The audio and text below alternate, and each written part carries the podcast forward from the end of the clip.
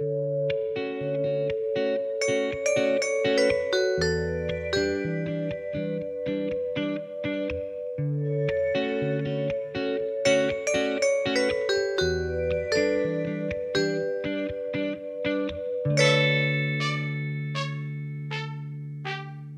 velkommen til Trans-Norge, en podkast om transpersoner, lagd av PKI Norge, pasientorganisasjonen for kjønnsinkongruens. Hva er det aller beste med å ha en transkjønna kid? Hva burde alle foreldre vite om deres kommer ut som trans? Og hva er egentlig fordelene og ulempene med pubertetsutsettende behandling? Dette er noen av spørsmålene du får svar på i dagens episode av Trans-Norge. Jeg heter Luka Dahl Vespseth. Heia! Hei. Hvordan, eh, hvordan høres det ut? Har du eh, Altså, jeg syns egentlig det høres greit ut. Altså, det, det er liksom ja, Ja, ja, jeg tror det kan Ta et nok, liksom? Ja. Ja. Vi satser Jeg tror vi satser på at det går bra. Eh, men i hvert fall, eh, tusen takk for at du ville ha komme på podkasten. Jeg har jo ønska å ha deg her skikkelig lenge. Um, og jeg vet jo Ja.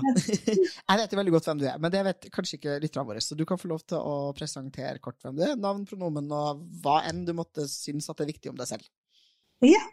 Eh, det kan jeg. Jeg heter Elin. Elin Corneliussen. Eh, jeg eh, bruker pronomen hun. Og er stolt mamma til en transgutt på 17 år. Har vært også stolt aktivist i noen, i noen år. Var med bl.a. å starte PKI, Pasientorganisasjonen for kjønnsinkongruens. Eh, og så har jeg ja, prøvd å bidra der jeg kan til å, til å prøve å gjøre livet litt lettere for eh, andre som har eh, barn som er i samme situasjon. Eh, så ja, snakker med foreldre i forskjellige sammenhenger. Eh, Eh, og eh, prøver å bruke litt krefter på å gjøre behandlingstilbudet bedre enn det det har vært for, for min sønn og for andre eh, fram til nå. Ja, alt det du sier der er jo helt glimrende, og det, det fordrer jo Eller jeg får veldig lyst til å stille 15 000 oppfølgingsspørsmål på den korte introen der, så vi skal prøve å se om vi får gjort det. Du sier altså eh, at du har vært aktivist, og du var annet med og starta opp eh, PKI. Jeg lurer faktisk på, eh, om jeg tar feil nå, men om første gang vi møtte hverandre var på stiftelsesmøtet til PKI, eller har vi møttes før det? Husker Nei, det? vi, vi møttes, møttes en gang før det, eh, Luka. Og det var etter jeg hadde skrevet et brev til helse- og omsorgskomiteen på Stortinget. Eh, Da fikk jeg plutselig opptil flere møter eh, på, på Stortinget, og da var du med på ett, blant annet. Ok, det Eh, var før vi starta PKI, da. Ikke sant? Ja. Yes. Eh, og så vet jeg at vi allerede da snakket om det, og dere hadde jo snakket, snakket om eh, det å starte opp eh, en, en pasientorganisasjon. Eh, så jeg var veldig, veldig glad for å treffe noen som hadde hatt samme, samme tanker som meg om, eh, om det. Eh, og det har jo blitt en suksesshistorie, for å si det forsiktig. Ja, ganske fornøyd med, med PKI, altså. Det, Ja, ja. det er grunn til å være det. Ja, jeg tenker at alle som noensinne har hørt på en podkasten, har nok forstått hva mine liksom, motivasjoner for å starte opp eh, PKI har vært. Kan du fortelle litt kort om hvorfor du var gira på å være med å starte opp PKI? Nei, altså jeg har jo jeg, eh, Mats, eh, sønnen min, han, eh, han var eh, syv eller åtte når han eh, fortalte oss for første gang hvem han var. Og etter det så har vi jo prøvd å finne, finne fram i jungel av, av eh, hvordan vi kunne hjelpe han, og hvordan vi kan hjelpe andre barn som har behov for eh, støtte og, og hjelp. Og det var vanskelig, må jeg si. Eh, Det har vært en eh, oppoverbakke fra dag én. Ikke sånn i samfunnet. Eh, Folk rundt oss har, har, vært eh, eh, utrolig fine. Og både familie og venner og andre naboer og skole har lagt ting til rette og prøvd å, eh, virkelig liksom forstå hvem sønnen min er, og har både akseptert og, og tatt imot ham på en fin måte. Men i helsevesenet, som egentlig var de som burde ha støttet han og burde ha vært eh, til for, at, for å gjøre livet hans lettest mulig, så har jeg opplevd at det har vært det stikk motsatte. Og så var nok vi litt preget på forhånd av å ha vært borti eh, Mats sin onkel eh, var også trans, og vi hadde, hadde, erfaringer via han fra behandlingssystemet. Han var en av de som ikke fikk hjelp. Og vi så jo de dramatiske konsekvensene det hadde for han. Eh, så vi har var både meg og, og og den gang mannen min var, var, veldig innstilt på at dette skal ikke Mats oppleve. Vi skal skaffe han hjelp på en måte, uansett hva det krever av oss. Uh, og det har vi klart å gjøre. Men da utenfor uh, det offentlige helsevesenet i veldig stor grad. Ja, det er jo noe besnærende med at til og med når man er så heldig at man har støttende foreldre som raskt forstår hvem du er, og omgivelser mm. som er positive, og at det fortsatt skal være så uendelig vanskelig da, å bare klare å få mm. uh, den hjelpa man trenger. Mm.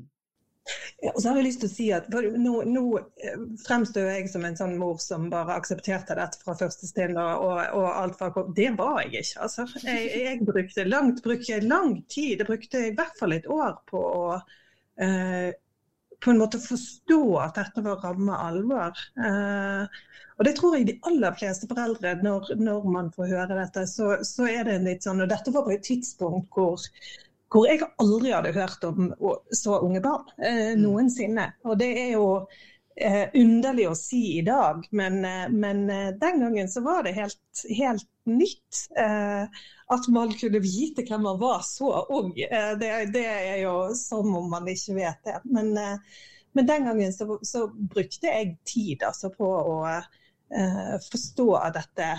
Det var litt sånn klassisk 'dette er vel en fase', eh, mor. Det var jeg i sikkert et år. Men jeg tror jeg skjønte veldig raskt at må, dette må jeg lære noe om. Så jeg satte meg ned og leste mye. Og det eh, var en lur ting å gjøre. Så det er ikke sånn at jeg har vært noe sånn perfekt eh, støttende morfra. Jeg skulle ønske det var det sånn, men, eh, men, eh, men, jeg brukte tid, altså. Og det tror jeg det er veldig mange foreldre som, som gjør. Bare for å ha sagt, ha sagt det òg. Ja, eh, men eh, jeg skulle til å si, som du sier, det, det, kan ta litt tid, og det betyr ikke at man eh, bare hvis man hører på det her da, og har en unge som kanskje har kommet og man er litt i den eh, prosessen at man bare skal tenke sånn Ja, ja, men da får jeg bare bruke litt tid, da. Eh, man skal definitivt ta det som en motivasjon til sånn Den tida kan du korte ned. Du kan klare å komme frem til et bra sted på, på altså, det ja. ja. Og det er jo det eneste, jeg, det eneste jeg har angret på, er at jeg brukte for lang tid på en måte på å skjønne at dette, dette er, er, ekte. Og, og ikke min på å skjønne at det betyr jo om, om, om det så skulle vært en fase. Eh, det eneste eh, sønnen min hadde lært hvis jeg støttet han, var jo nettopp at jeg støttet han uansett. Eh, det er ikke mer dramatisk enn det.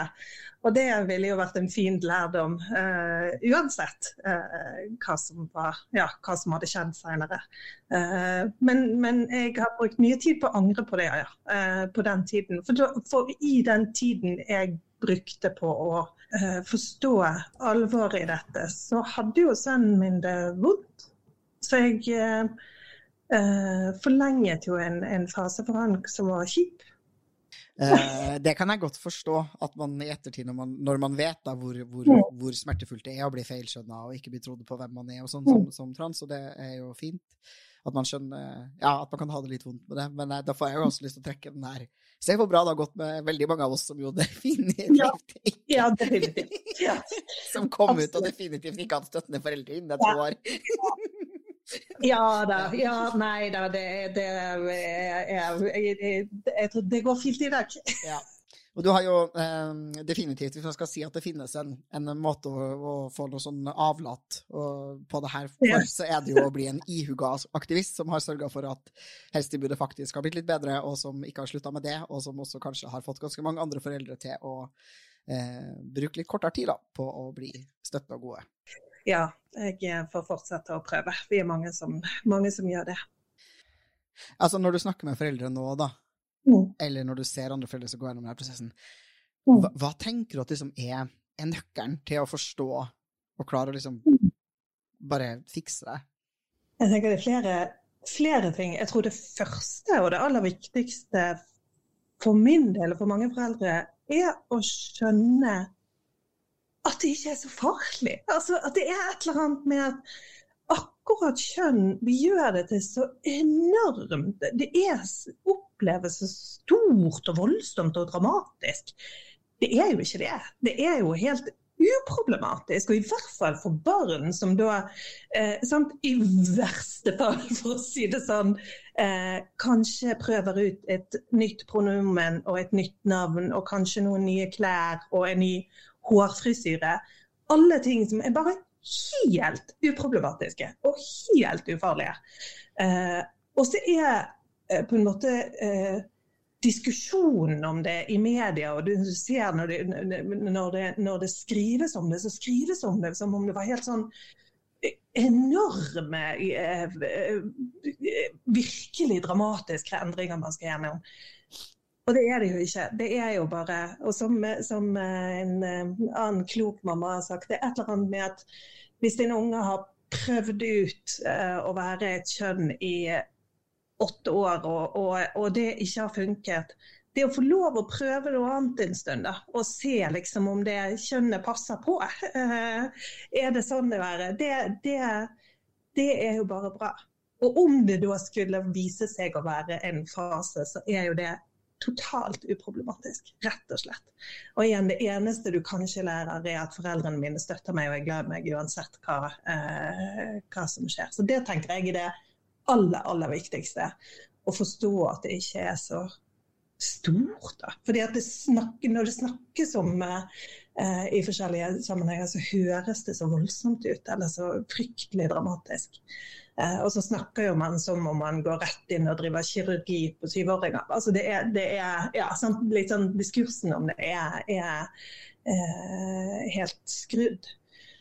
Og det andre så tenker jeg at det er noe med foreldre må lære seg litt å skille på hva som er sine greier, og hva som er ungene sine greier. Eh, jeg tror det er veldig mange foreldre som jeg snakker med. Vi har jo samlinger, vi har eh, digitale samlinger for foreldre en gang i måneden. Og veldig mange av de foreldrene beskriver det som en sorg eh, at, at, ungene da har fortalt dem at, at, eh, at, de ikke er det kjønnet de eh, trodde de var. For meg nå, eh, i forhold til min sønn, så er det en veldig rar ting å tenke. Altså, for det første så er det jo samme unge, liksom. Det er jo ikke, ja. ikke sånn at det plutselig dukker opp en ny unge. Eh, og så er det veldig det der å skille på sine egne ting og sin egen prosess på en måte, og ikke blande den bort i hva som skjer med ungen. For om jeg på en måte skulle synes det var trist at et eller annet navn som jeg har uh, valgt f.eks. er borte, eller uh, uh, så er det min greie. det er ikke noe som jeg trenger. Det er ikke noe som ungen min skal, skal trenger å, å, bruke tid på å være lei seg for eller uh, ha noe greier på. Så jeg tror, jeg tror, en del foreldre har behov for å liksom ha sin egen prosess, men det å skjerme ungene fra den prosessen tror jeg er helt alfa og omega. Uh, det tror jeg er kjempeviktig. Min, min, reaksjon og grunnen til min på en måte første reaksjon er jo litt sånn frykten for hvordan verden tar imot uh, mot dette barnet. Liksom. Jeg var jo redd for Redd for at han skulle bli plaget, redd for at framtiden hans var liksom dyster og mørk. Og det er det jo ikke. Det er jo tvert imot. Altså, for en gave å få lov å lære så mye av ungen sin. Jeg tror ingen foreldre eh, lærer mer av ungene sine enn en vi som har det privilegiet å ha, ha transbarn. Vi må liksom se verden på en litt ny måte. Det er jo bare en eh, gave. Ja, det er jo ja. Det er veldig fint at man, eh, at man ser på det å ha en transkid som en gave. Jeg er jo helt enig i at det er det. Altså det, den er jo mm. både et barn som er en gave i seg selv, og trans som jo mm. også er en gave. Mm. men, men, jeg kan forstå på en måte den, det du snakker om, den frykten for at barna skal bli plaga, eller at de skal få et dårligere liv enn eh, andre. Og det er jo både sant å si at det er ikke nødvendigvis tilfellet. Altså, sånn, veldig mange transfolk har det bra, til og med vi som er min generasjon og generasjonene over, som jo unektelig har levd opp, vokst opp i en time hvor vi hadde få rettigheter og muligheter og lite, lite støtte. Vi har jo blitt bra folk, og vi får det helt fint, liksom, og lever lykkelige, fine liv. Men så kommer det jo til å være ja, noen ting kommer til å være røft, men sånn er det jo for alle. De aller fleste mennesker lærer av, at, lærer av litt motstand. Og så er det jo sånn at til og med hvis livet blir røft, så eh, klarer du jo ikke å få ungen din til å slutte å være trans. Og det er ikke noe mål heller, liksom. Så det er sånn derre eh, Ja, du, du, har på en måte to valg. Det er sånn derre OK, eh, du kan være støttende eh, i en verden som er skip, eller du kan være skip i en verden som er skip. Eh, ja. ja. Og det er vel det, men det er vel det ofte foreldre bruker litt tid på, nettopp den derre det å forstå at dette er reelt. Altså dette er ikke noe dette, det, det, er det nok mange som bruker mye tid på. Og da blir det jo litt sånn dobbelt frustrerende når man leser i media om hvor det høres ut som foreldre bare pusher ungene ut i, i, i, i transhet. Det, det, er en veldig rar det er alltid veldig rart å lese når man vet hvordan det, de fleste har hatt det. Da. Eh, og de fleste liksom virkelig har hatt barn som måtte overbevise dem om at det er, det er sånn som dette det er. Det, det, er denne personen jeg er. Og det er ja, rart å ha brukt mye tid på å kjempe mot. Uh, det, som, som, du sier. Og det er jo noe av det Apropos å sette seg inn i ting og lese, og det var jo noe av det jeg leste mye om i forskningen, sånn helt tilbake igjen til den tiden eh, hvor, hvor, vi eh, fikk vite om, om Mats. Eh, så, så, det å se hvor tydelig forskningen er på at støtte fra foreldre og støtte fra nære er mye annet. Du kan mye, møte mye motstand ellers, så lenge du har støtte hjemmefra. Eh, det er liksom den enkeltfaktoren som betyr aller, aller mest for de fleste. Og det vet man jo òg nå for nyere forskning. den eh, Trans Youth-forskningsstudien eh, i, i, i, USA som har vært utrolig mye interessante funn fra. Men bl.a. da at, at de barna som får den støtten hjemmefra, har det like bra som alle andre. Det er ikke noen forskjell. Det er ikke noen forskjell psykisk helse. Det er ikke noen forskjell på Hvis man får den hjelpen man trenger og har støtte hjemmefra, så, så vokser disse barna opp og er bare helt ordinære barn. Som om det var en nyhet. Men eh, ja.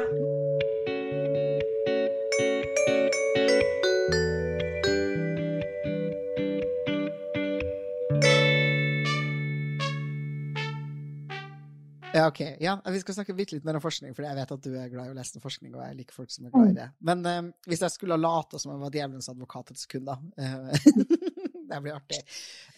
La oss si at det var noen foreldre da, som, som faktisk ikke ga ungene sine motstand, og som nesten fant på at de var trans uten at ungene hadde sagt det sjøl, og som var sånn der OK, du må uh, være kjempemaskulin og gutt, eller kjempefeminin og jente.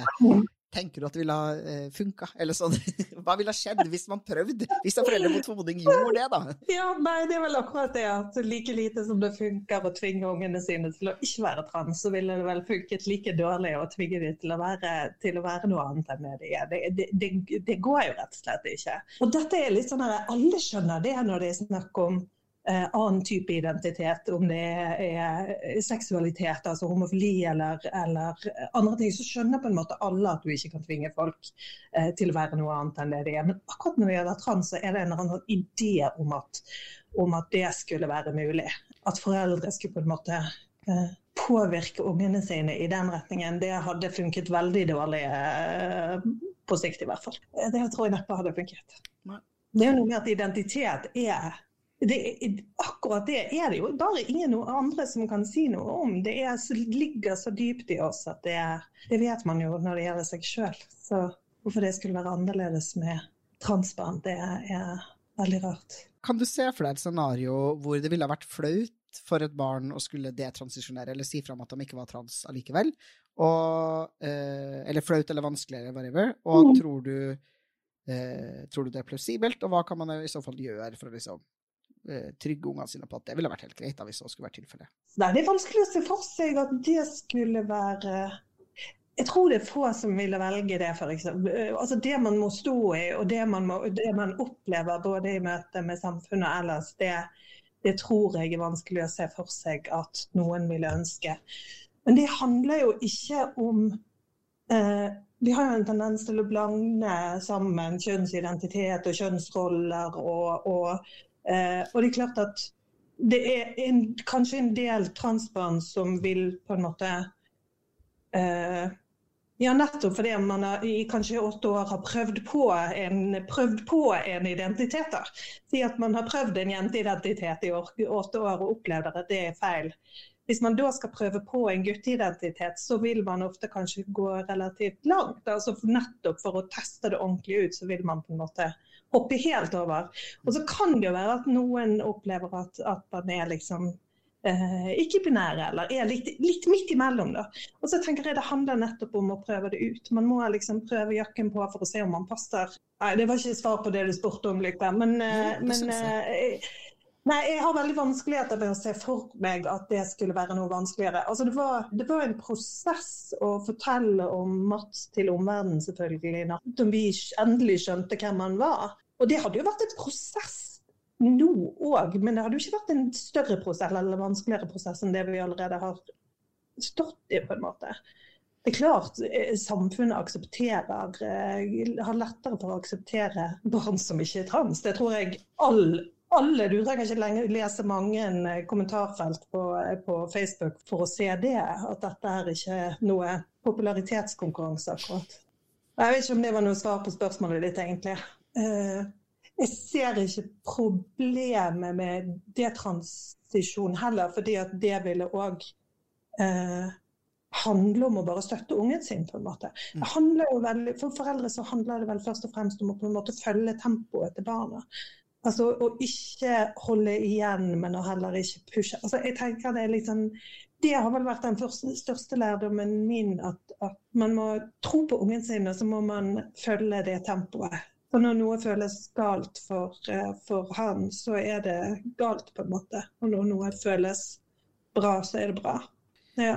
Ok, eh, Så eh, hvordan, hvordan, tenker du at man best som forelder da åpner for samtaler hvor man finner ut av hvilket tempo det her skal gå i, og hva det er som skal skje? Og hva er det som skal skje? Sånn fra, fra, fra kiden din kommer ut til Eh, og dette avhenger selvfølgelig litt av alderen på unge, men hvis gitt at det var sånn som for oss, at det var et relativt ungt barn eller et lite barn, så handler det jo bare om å la, la unger være unger, på en måte. Eh, har de lyst til å ha på seg en kjole, så ta på en kjole. Altså, det er noe med å ikke å ufarliggjøre på en måte alle de der ytre signalene om kjønn, at de ikke får så stor plass og er så viktig, da. Men er det viktig for ungene så at de får lov å på en måte eh, ja, være seg sjøl, rett og slett. Det tenker jeg er det første. Uh, og så tenker jeg jo nettopp at det er, handler om å kanskje stille noen spørsmål, være litt nysgjerrig noen ganger. Det går jo an. For, for ungene kan jo også være redd for omverdenen, redd for hva folk tenker, redd for hva andre på skolen tenker, eller Så det å stille noen spørsmål og, og kanskje ufarliggjøre det litt, og være med på å ufarliggjøre det. Det kan handle om å treffe andre i samme situasjon som, eh, som lever åpent som trans, på en måte, og, og se at det går helt fint. Og så tror jeg veldig at det handler om å på en måte trygge ungene på at uh, vi er her og elsker deg uansett. Og at det handler ikke om, om kjønn eller kjønnsuttrykk eller kjønnsidentitet, men det handler om, om at det er barnet vårt, liksom. Så Det tenker jeg er det første. Men jeg tror det å stille spørsmål og det å være nysgjerrig, det kan man jo av og til tillate seg.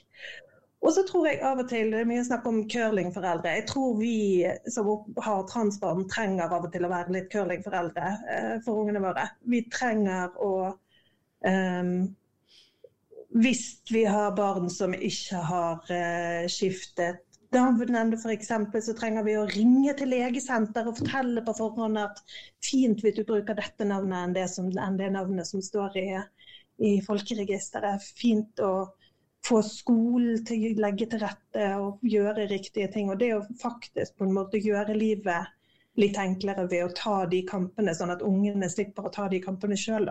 Det tenker jeg er viktig. Og det er nok mange, mange som må gjøre, fordi det er mange skoler som ikke klarer å Som ikke kan nok, rett og slett, og som trenger litt hjelp.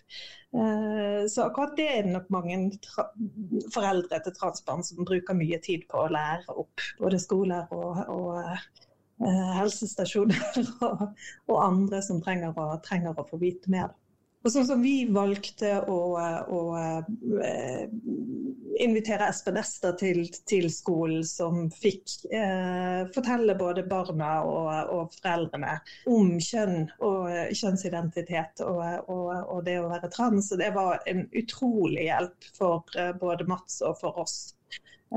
Så det å skaffe seg mer kompetanse og hjelpe skolen å skaffe seg kompetanse, Eh, er kjempeviktig. Og så er det klart at Hvis ungene begynner å nærme seg pubertet, så er det jo spørsmålet om pubertetsblokkere kommer jo fort. Og Der tenker jeg at man òg skal for det første lese seg opp og sette seg ordentlig inn i ting. For det er ikke nødvendigvis sånn at de rådene man får fra det offentlige helsevesenet nødvendigvis alltid er det de beste i, i, på det området. Så der tenker jeg at man må som foreldre Eh, kjempe en kamp på vegne av ungene eh, dersom det er viktig å få pubertetsblokker. Og jeg mener jo at pubertetsblokker er helt ja, livreddende for mange transbarn. Og, og, det å kunne få den tiden til å faktisk kjenne eh, ordentlig etter på er denne kroppen jeg har her, riktig eller gal? Det tror jeg er helt avgjørende. Og jeg fatter rett og slett ikke, med all den forskningen som finnes på det området,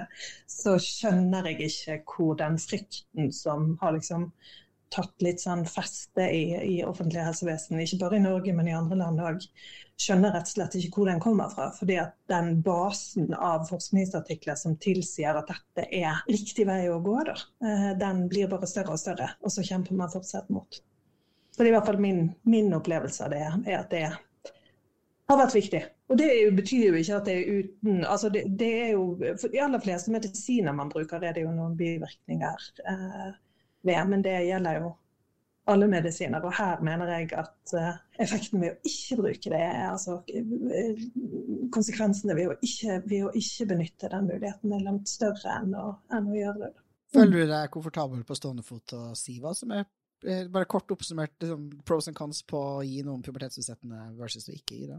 Ja, altså, eh, Pros er jo helt åpenbart. Det som kanskje har vært mest fokus på eh, de senere årene, er jo psykisk helse. Eh, rett og slett fulgt en del både studier fra Nederland, men også noe etter hvert fra USA, hvor de har fulgt barn og ungdommer som både har fått pubertetsklokker og som ikke har fått det, og, sett på hvordan den psykiske helsen til disse ungene utvikler seg. Og det er jo utelukkende positive resultater. Eh, helt, helt, uten unntak, faktisk. Eh, og så er det klart at det å slippe å gå igjennom altså det at kroppen din ikke utvikler seg i feil retning, betyr jo at man har bedre forutsetninger når man da skal gjennom Kanskje må gjennom noe kirurgi senere i livet. Det at du ikke har fått utviklet store bryster, gjør at brystkirurgi senere er vesentlig enklere.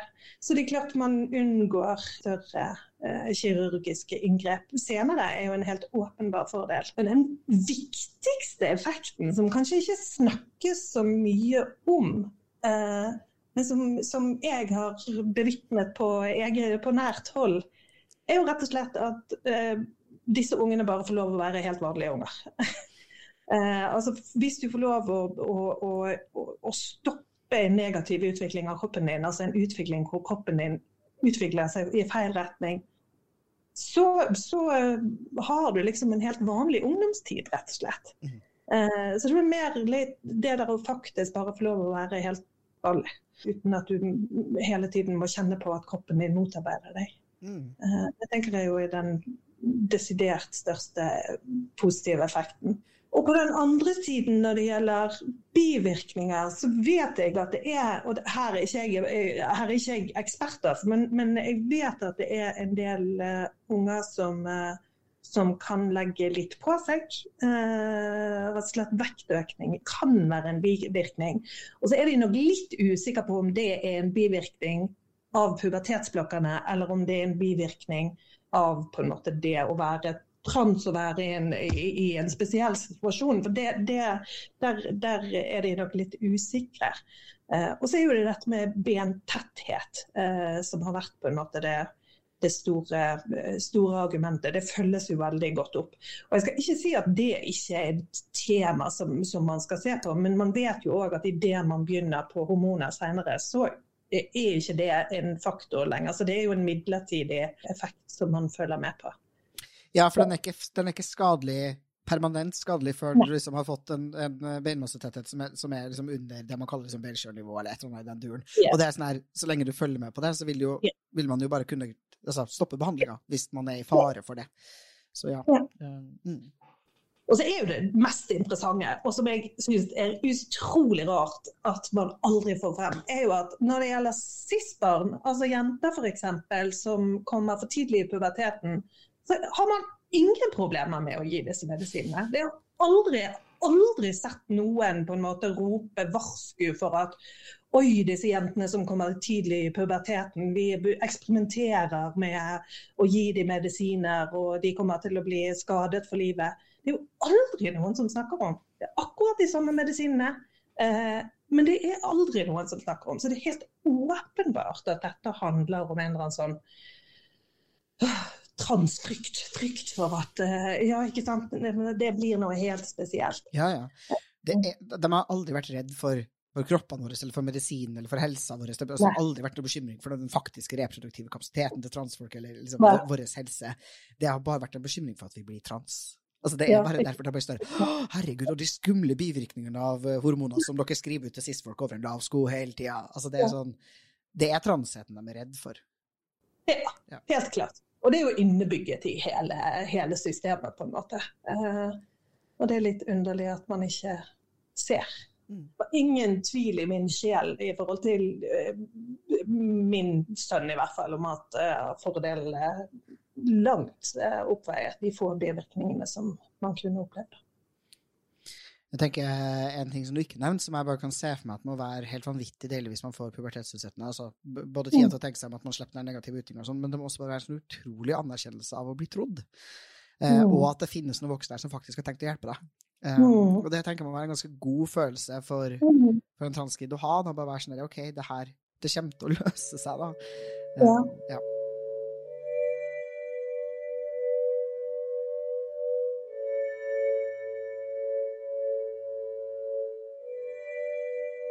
Du, du snakka litt om liksom, spørsmål man skal stille, og samtaler man skal ha. Eh, mm. Og jeg har lyst til at du skal, eh, hvis du klarer, komme med noen litt mer konkrete eksempel. Fordi jeg tror at en del foreldre som liksom har lyst til å stille spørsmål, men har ikke lyst til å være sånn mm. kritisk at ungene blir sur, for det er, det er i hvert fall mm. hvis du har tenåringer som blir jeg tror en del foreldre opplever at ungene ganske raskt går i forsvar, og det er mm. nok fordi man har stilt spørsmålene på en måte som mm. oppleves krenkende eller støtende, eller som liksom ikke oppleves nysgjerrig og åpen. Eh, mm. og så er det én ting med pubertetsblokkere som jeg har lyst til at du skal si noe om, og det er nettopp at hvis du tar pubertetsblokkere og så går over på crossex-hormoner, så vil du jo eh, aldri eh, eh bli fertil. Um, og få modne egg og sædceller. Uh, og da er spørsmålet hvordan håndterer man det, eventuelt hvordan snakker man med relativt liksom, unge mennesker om det? Det, det, er gode spørsmål, Lykke. Og det må jo jeg si har vært en av de tingene som har uh, Ikke det sikkert alle er akkurat som min sønn, men å se på en måte relativt unge barn ha de tankene vesentlig tidligere enn man skulle på en måte anta at de har det. Og jeg tror Det har gjort at jeg har tenkt at man skal i hvert fall ikke være redd for å, eh, for å stille de spørsmålene. fordi at Sannsynligheten for at barna allerede tenker det, er ganske stor. Også fordi at unger er flinke til å skaffe seg informasjon. Eh, sånn at den informasjonen f.eks. med altså effekten av å da gå på på blokkere først, og så gå over på hormoner. At det er et valg man gjør som påvirker uh, senere muligheter til å skaffe seg egne barn. Det var noe min sønn var bevisst på når han var åtte. Og det var Altså, det, det er en balansegang. Det å snakke om de tingene og på en måte uh, gjøre en unge eller ungdom bevisst på at det har noen konsekvenser, det tenker jeg er noe annet enn å fokusere på det og gjøre det til en eller annen umulig ting. Mange mennesker kommer til å oppleve at de, de uh, ikke kan få barn. Uh, det handler jo ikke bare om transfolk, det handler om andre tilstander. Og, og, det er klart at det å snakke om det er viktig og nyttig. Og så er det mange måter å få barn på.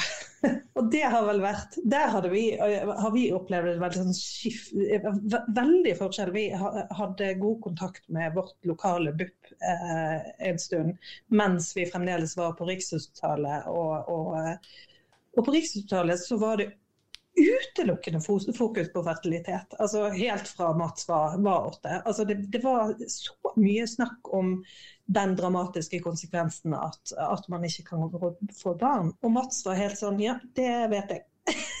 det, på BUP så møtte vi en helt annen eh, inngang til det. Og det var nettopp at det er mange måter å få barn på. Det er mange måter, mange familier. Eh, familier kommer i alle farger og forsager. Det er mange måter å skaffe seg familie på. Så det er også noe med ikke bare på en måte å fokusere på, på en måte alt det negative som kan skje ved et eller annet valg, men, men også de mulighetene som finnes der.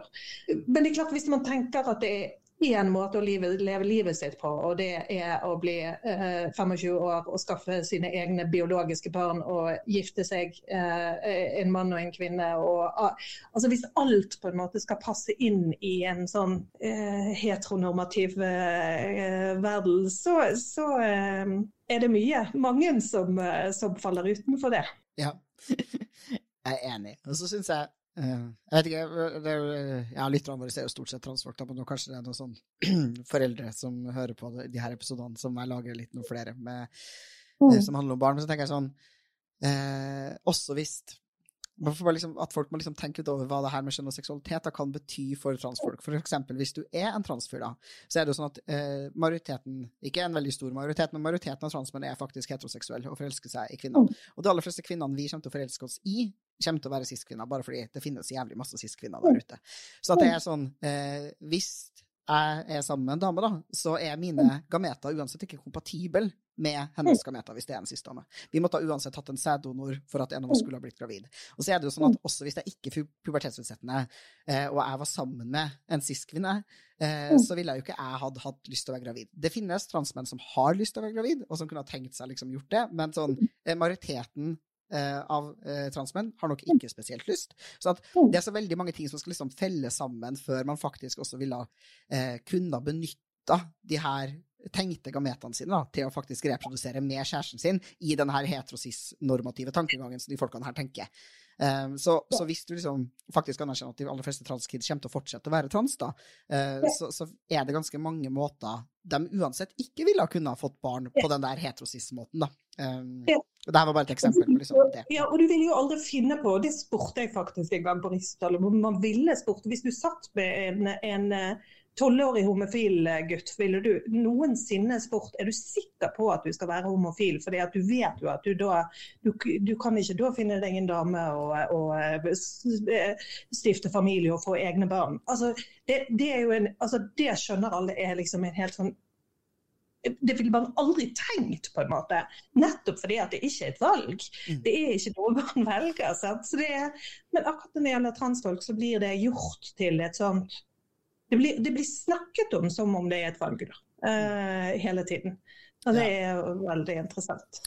ja, og så syns jeg jo det er altså Som en av de transfolkene som jo levde under før 20, 2016, eh, hvor man kunne ende, eh, altså, Før 2016 måtte vi jo kastrere oss for å kunne ende juridisk skjønn. Jeg synes jo det er liksom Jeg får jo lyst til å knuse et eller annet med balltre når jeg ser de her folkene som skal gi oss helsehjelp, som er så påtagelig bekymra for den reproduktive kapasiteten til transkids, men som i andre enden aldri har kjempa for å fjerne det her kastreringskravet for kunne endre juridisk kjønn, som aldri har kjempa for tilgangen til at transfolk skal kunne fryse ned sædceller eller eggceller før vi starter på kjønnsbekreftende behandling, og som aldri har kjempa for vår rett til å f.eks. kunne ha eh, altså Transfolk har jo hatt interesse i liksom, at eh, eggdonasjon internt i et forhold er lov, og sånne type ting.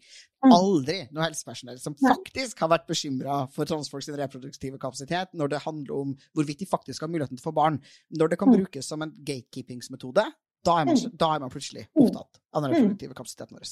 Og den dobbeltmoralen der, ja, som mm. sagt, da får jeg lyst til å knuse noe jævlig dyrt porselen med balltre. Ja. jeg eh, er med der og kaster med deg. Det er, det er fryktelig provoserende. Det, det, betyr bare at man må snakke om mulighetene som finnes, da. Eh, Istedenfor å fokusere på alt som ikke kommer til å skje. Eh, for det som ikke kommer til å skje, kommer jo uansett ikke til å skje. Det er jo som du sier, det, det, det er ikke noe det er ikke noe valg. Det ville aldri vært et valg for, eh, for sønnen min. Det er rart å, å, aldri kunne klare å forklare dette ordentlig Det er så innebygget i systemet. Dette er en kamp som folk utenfor ikke skjønner. Og det er rart. Mm. Det er rart at Jeg husker at det var en av de tingene jeg eh, Når jeg eh, kom inn i miljøet og, og på en måte lærte om sånn, tvangskastreringen, at jeg ble helt sånn her, Hvorfor står ikke folk i, utenfor Stortinget og roper i alle dager? Hva er det vi gjør? Altså, det er rart at man holder på med noe sånn helt til, til 2016 uten at det var liksom en massiv kamp for å eh, avvikle en sånn ordning. At folk bare satt stille og så på det. Og det handler jo bare om at det er transfolk som har vært utfolk utsatt for det. Eh, hadde det vært en hvilken som helst annen gruppe, så hadde det vært eh, endt for lenge siden. I beg to differ. Ikke en hvilken som helst annen gruppe. Det finnes også andre grupper som samfunnet har like lave tanker om. Men, uh... ja, Okay. Men det hadde vært en, en mer anerkjent samfunnsgruppe. Men jo da, nei, altså poenget ditt står. Altså det, er, det, er liksom, det, er, bare fordi man faktisk ikke anser oss som mennesker, da, at, har, at det har vært mulig uh, å bare kastrere oss fram til 2016 uten at, uten at, det har vært furore rundt den saken. liksom. Og fremdeles er det folk som mener at det fremdeles skal skje. Ja, og det skal man uh, til alle som liksom hører på antitransbevegelsen når de snakker om at de ønsker en reversering eller en revurdering av lov om endring av juridisk kjønn. Så det de sier, og det er jo helt, hvis man spør dem også hva er det dere mener, hva, hva burde kriteriene vært for å kunne endre juridisk kjønn, så ønsker de seg også tilbake til en tid hvor vi kastrerer transfolk for at de skal kunne endre juridisk kjønn. Og det er voldelig, det. Ja, det er, det er, vel allerede slått fast at det, det er menneskerettighetsbrudd. Så det ville vel være oppsiktsvekkende om man eh, gjeninnførte.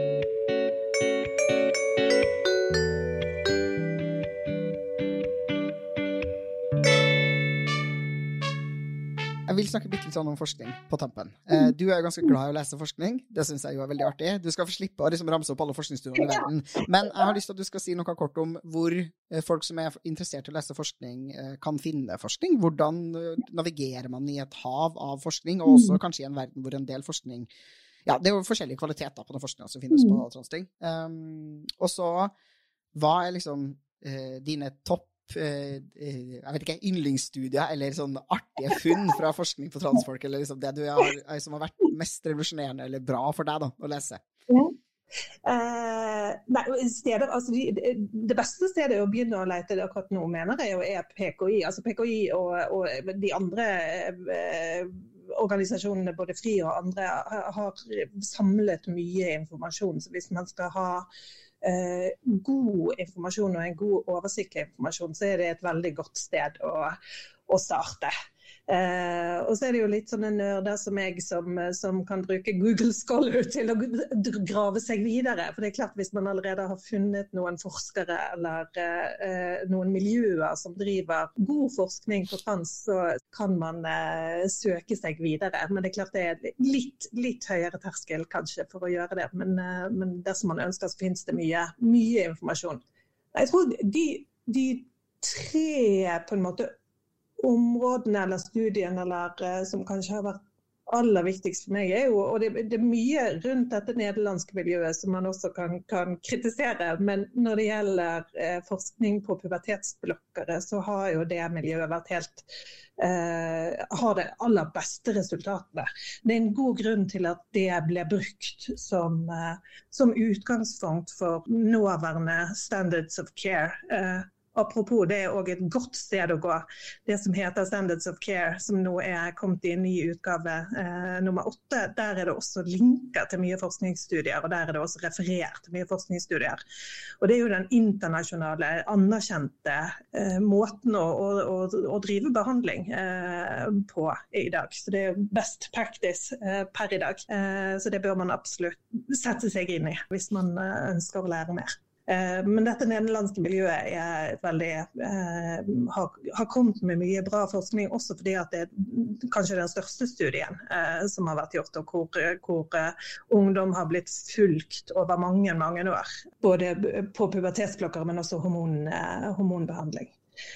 Og så er det dette Trans Youth-prosjektet i USA, som er et stort prosjekt som følger transbarn eh, helt fra de var bitte, bitte små. Eh, altså noen av de er helt nede i to-tre år. Eh, og som har fulgt de. Eh, nå er vel Det har vel holdt på kanskje i en syv-åtte år eller noe sånt. Så det begynner å komme en del veldig interessante eh, resultater fra det prosjektet. Og kommer til å komme enda mer interessante resultater eh, videre.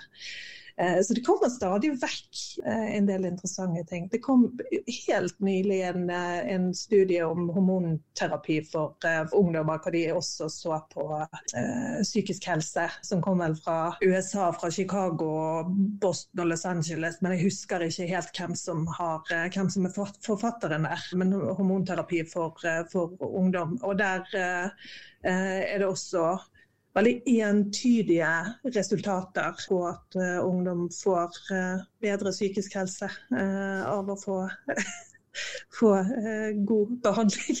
Det er ikke akkurat noen bombe, men mm.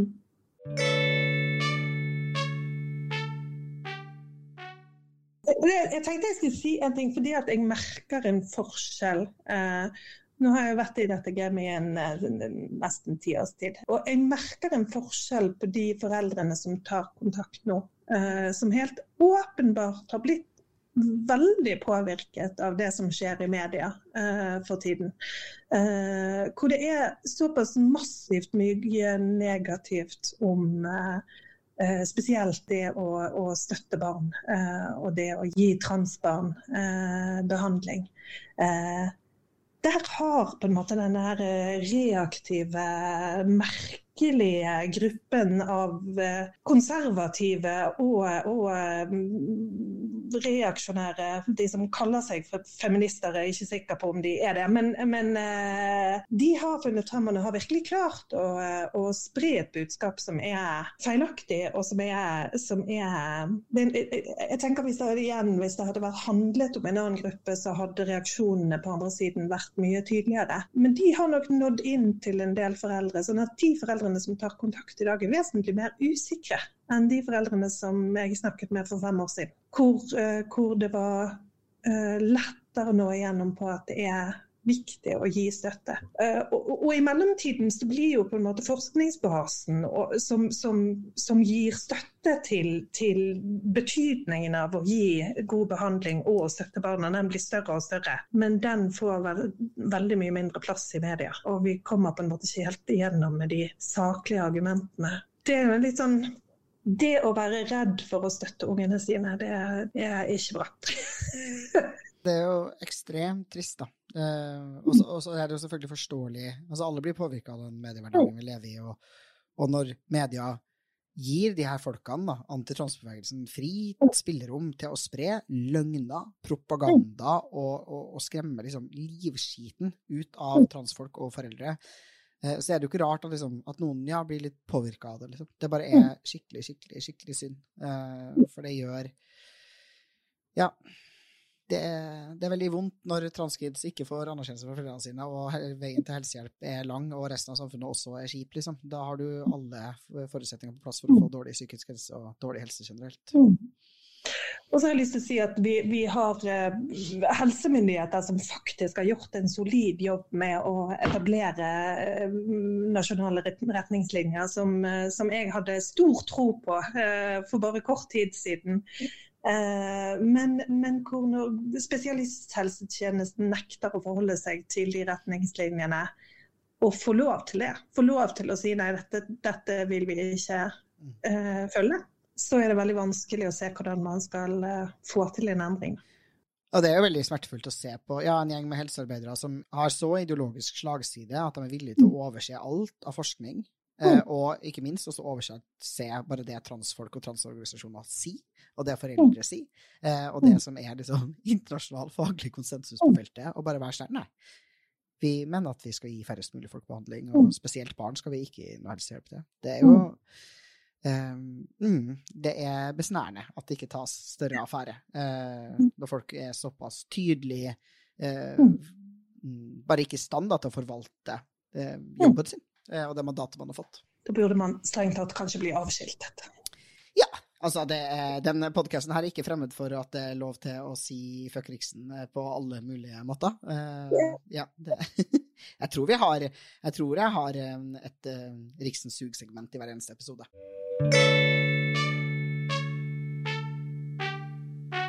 Er du åpen for at foreldre kan kontakte? Ja, ja. Hvordan, absolutt.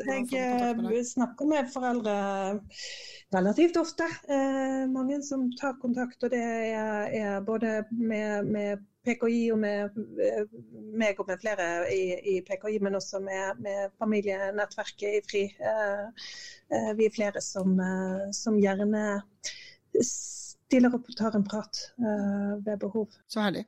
Det setter vi veldig pris på. Um, ja. Da vil jeg bare takke for at du hadde tid til å komme. Jeg blir jo veldig varm i hjertet mitt av sånne sinna og brennende engasjerte foreldre som eh, vil ungene sine godt. Det syns jeg er skikkelig nydelig. Det er det jo, da. Takk for at du kom. Tusen takk for at du var med oss i dag. Det var skikkelig fint å høre dine tanker og perspektiver. Jeg heter Luka Dalen Espeseth. Takk til Martin Skjold for den nydelige Trans-Norge-musikken. Takk til teamet vårt med klippere som består av El, Mina, Noah og Andreas. Og takk til Thomas for grafisk profil til podkasten. Følg Trans-Norge der du lytter til podkaster for å få med deg alle episodene. Og følg oss på Instagram-kontoen vår trans.norge. Følg PKI på Facebook og Instagram og TikTok. Meld deg inn i PKI på nettsidene våre www.misjonsinkongruens.no. Send oss gjerne mail med tema, spørsmål og tips til folk som burde komme på podden. Eh, det kan selvfølgelig også være det selv transnorge.podkast